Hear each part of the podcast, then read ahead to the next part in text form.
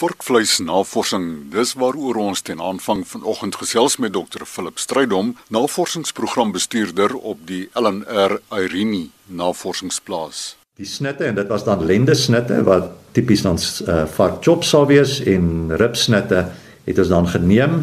Ons het dit vars gaan aankoop. So ons het die ons het nou maar die die produksiekant aan die ander kant in die buiteland gesimuleer en dan het ons hierdie produkte gevries by -20 grade gestoor vir 3 maande, 6 maande, 9 maande, 12 maande en 18 maande. En van elk van hulle het ons dan gaan kyk as ons daai produk dan sou gebruik om ontdooi en om gaan gaar maak ensovoorts, het ons gaan kyk wat is die eetkwaliteit uh op, op daai stadium en dit het ons baie duidelik gevind.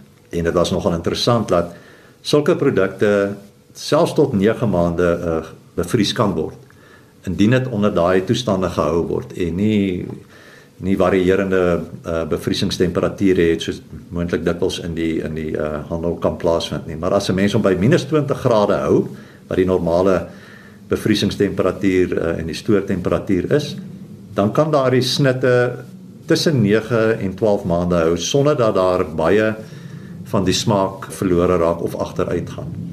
En as ons van smaak raklewe praat, dan praat ons gewoonlik van 'n galsterigheid of 'n uh, een of ander afsmaak wat plaasgevind het vleis was sagter of net so sag soos enige vleis wat vars gekoop word. Die sappigheid was uh, dieselfde as vars vleis gewees tot op 9 maande. Uh, maar daarna het die, die kwaliteit um, ernstig agteruit gegaan en by ribbes, ribsnitte het dit selfs uh, vroeër gebeur en sou ek nie verder as 6 maande ehm um, aanbeveel dat wat sulke snitte gestoor moet word nie. So dit is 'n tipe terugvoer wat ons dan aan die ehm um, Suid-Afrikaanse varkvereniging wat produsentorganisasie gegee het wat uiteindelik dan na die handel toe kan uh, uitgaan. Wat gebeur in die geval van vleis wat uh, gevries is en daar gebeur 'n kragonderbreking vir 24 48 uur? Kyk dit hang af in in in watter mate daardie yskas of of dan nie yskas nie die vrieskas sy sy temperatuur kan hou, maar in meeste gevalle indien daardie vleis dan begin ontdooi Die kapasiteit van sulke vleis wat bymekaar is in 'n sien nou maar in 'n verpakking is nogal ehm um, indrukwekkend hoe hoe die temperatuur behoue kan bly. Maar sou dit gebeur dat daar dat die vleis begin ontdooi, dan sal hy natuurlik ook soos wat ek nou nog gesê daai stadige uh, proses van ontdooiing sal daar uh, definitief skade plaasvind. Daai herkristallisering van die van die vog wat dan uitkom, uh, sal opnuut skade maak wat uiteindelik vir jou 'n produk gee wat van 'n laer gehalte is as wat dit uh, ononderbroke bevrore sou gewees het. Dr Philip en dan net nog 'n ander saak dikwels word vleis in 'n vrieskas gemeng met enige ander produk wat die huisvrou ook daarin wil vries. Neem daardie vleis daardie geur of daardie reuke op. Ons moet onthou enige geure of smake is is eintlik vlugtige stowwe. Met ander woorde, dit moet vrykom en die vrykom van sulke vlugtige verbindings is meeste van die tyd temperatuur gekoppel. Dis hoekom wanneer ons vleis gaar maak, is daar ook sekere chemiese reaksies in daardie ehm um, daai chemiese stowwe word dan vrygestel in die lug en dit gaan gewoonlik gepaard met ehm um, met met temperatuur. So by daai lae temperature dink ek nie daar kan enige kontaminasie plaasvind. Wat van hoender?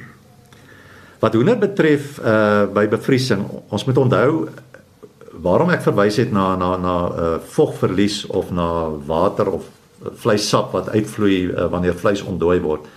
By hoender is dit 'n ander geval omdat die hoender intak bly. In in meeste gevalle as ons nou praat van 'n heel hoender wat ons vries en dan uh, ontdooi.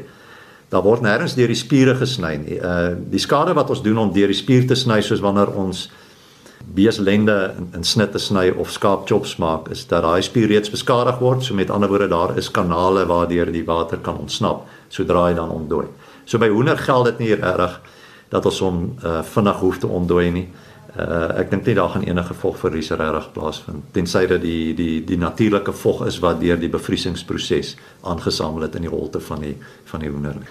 Die die pekeling van vleis, ehm um, u sal onthou 'n ruk terug was daar 'n hele skandaal oor hoendervleis wat uh met fosfate ehm um, ingespuit is of fosfaat soutte ingespuit is en dan bevries is en dat hierdie uh meganisme wat dan gebruik word wat eintlik ehm um, tot voordeel van die kwaliteit van die produk is eintlik misbruik is deurdat dit tot 40 en 50% van die produkte wat vog bevat het. Met ander woorde die die die arme verbruiker en dit was in hierdie geval werklik die lae inkomste verbruiker is dan mislei deurdat hy 'n klomp water gekoop het.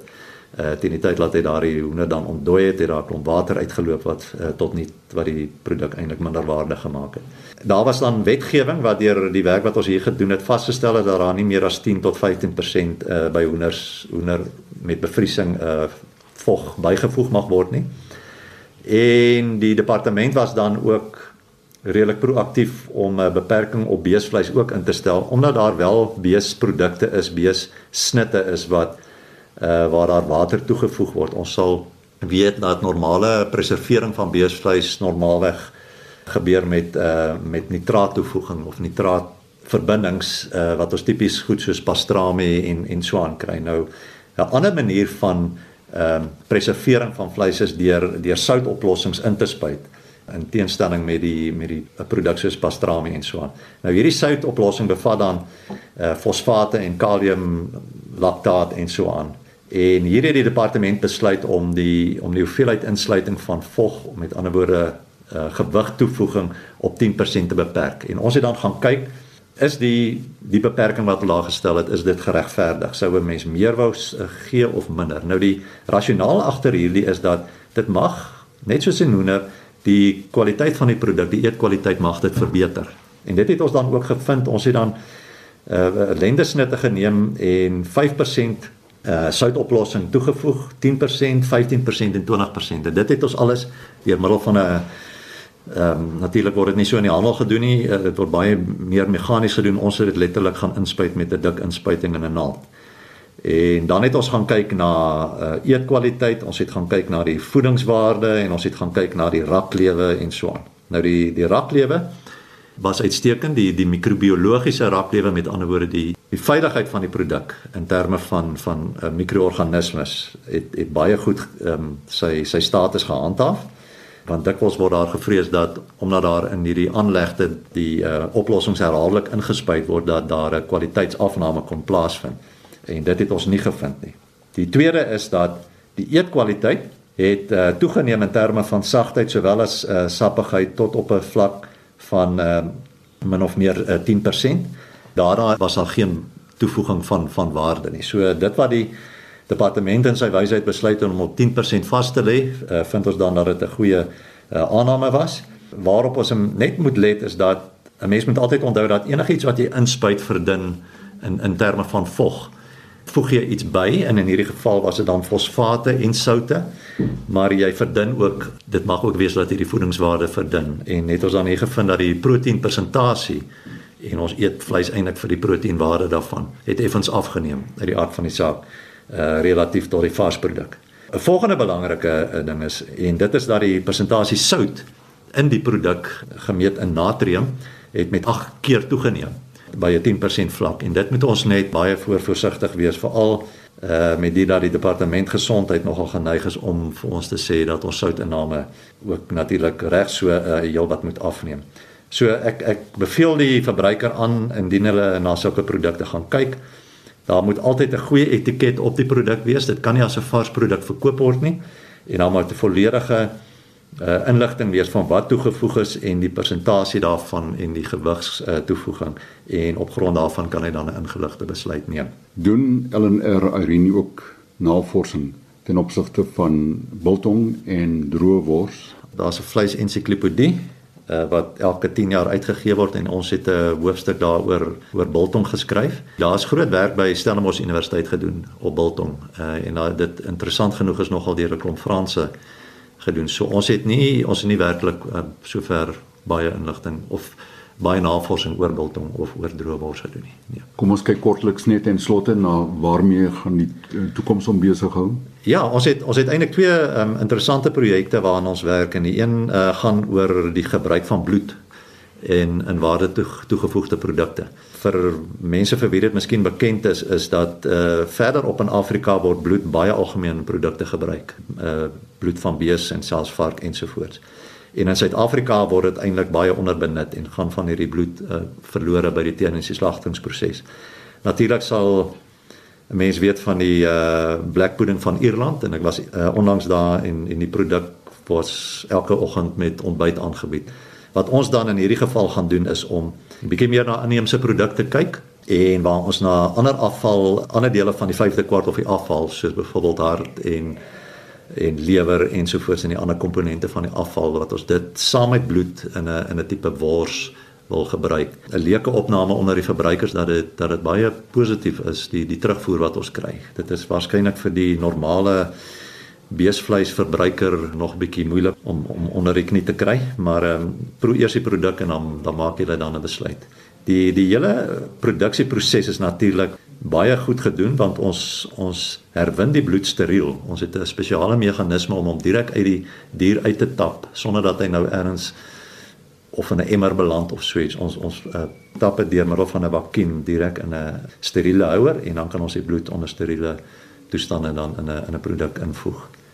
Die tweede projek, ons is gewoond aan ons braaisnitte in terme van die ribsnit wat nou voor in die amper in die voorkwart is en wat deel van die lende is, die normale lendesnit, dan die kruiskyf en die filet. Baie min van die ander dele van die bees word benut in braaisnitte of in wat ek maar so sê in produkte wat redelik vinnig gaar gemaak kan word. Ons wil na die res van die beeskarkas gaan kyk want ons weet uit vorige werk wat al oorsee gedoen is dat daar sekere individuele spiere in die karkas is, onder andere die hier's 'n sekere snit in die blad en ook in die in die agterkwart as daar van die spiere is wat individueel uitgehaal word, dan het hy 'n goeie eetkwaliteit selfs aan maak hom uh, vinnig gaar en oor 'n oor 'n uh, hoe dit is. So ons ons is dan op pad om te gaan kyk na sekere van daardie snitte wat al in party restaurante wel gebruik word, maar wat nog nie algemeen op die op die rak beskikbaar is nie. Ons is geneig om 'n hele snit te vat met al die spiere gelyk.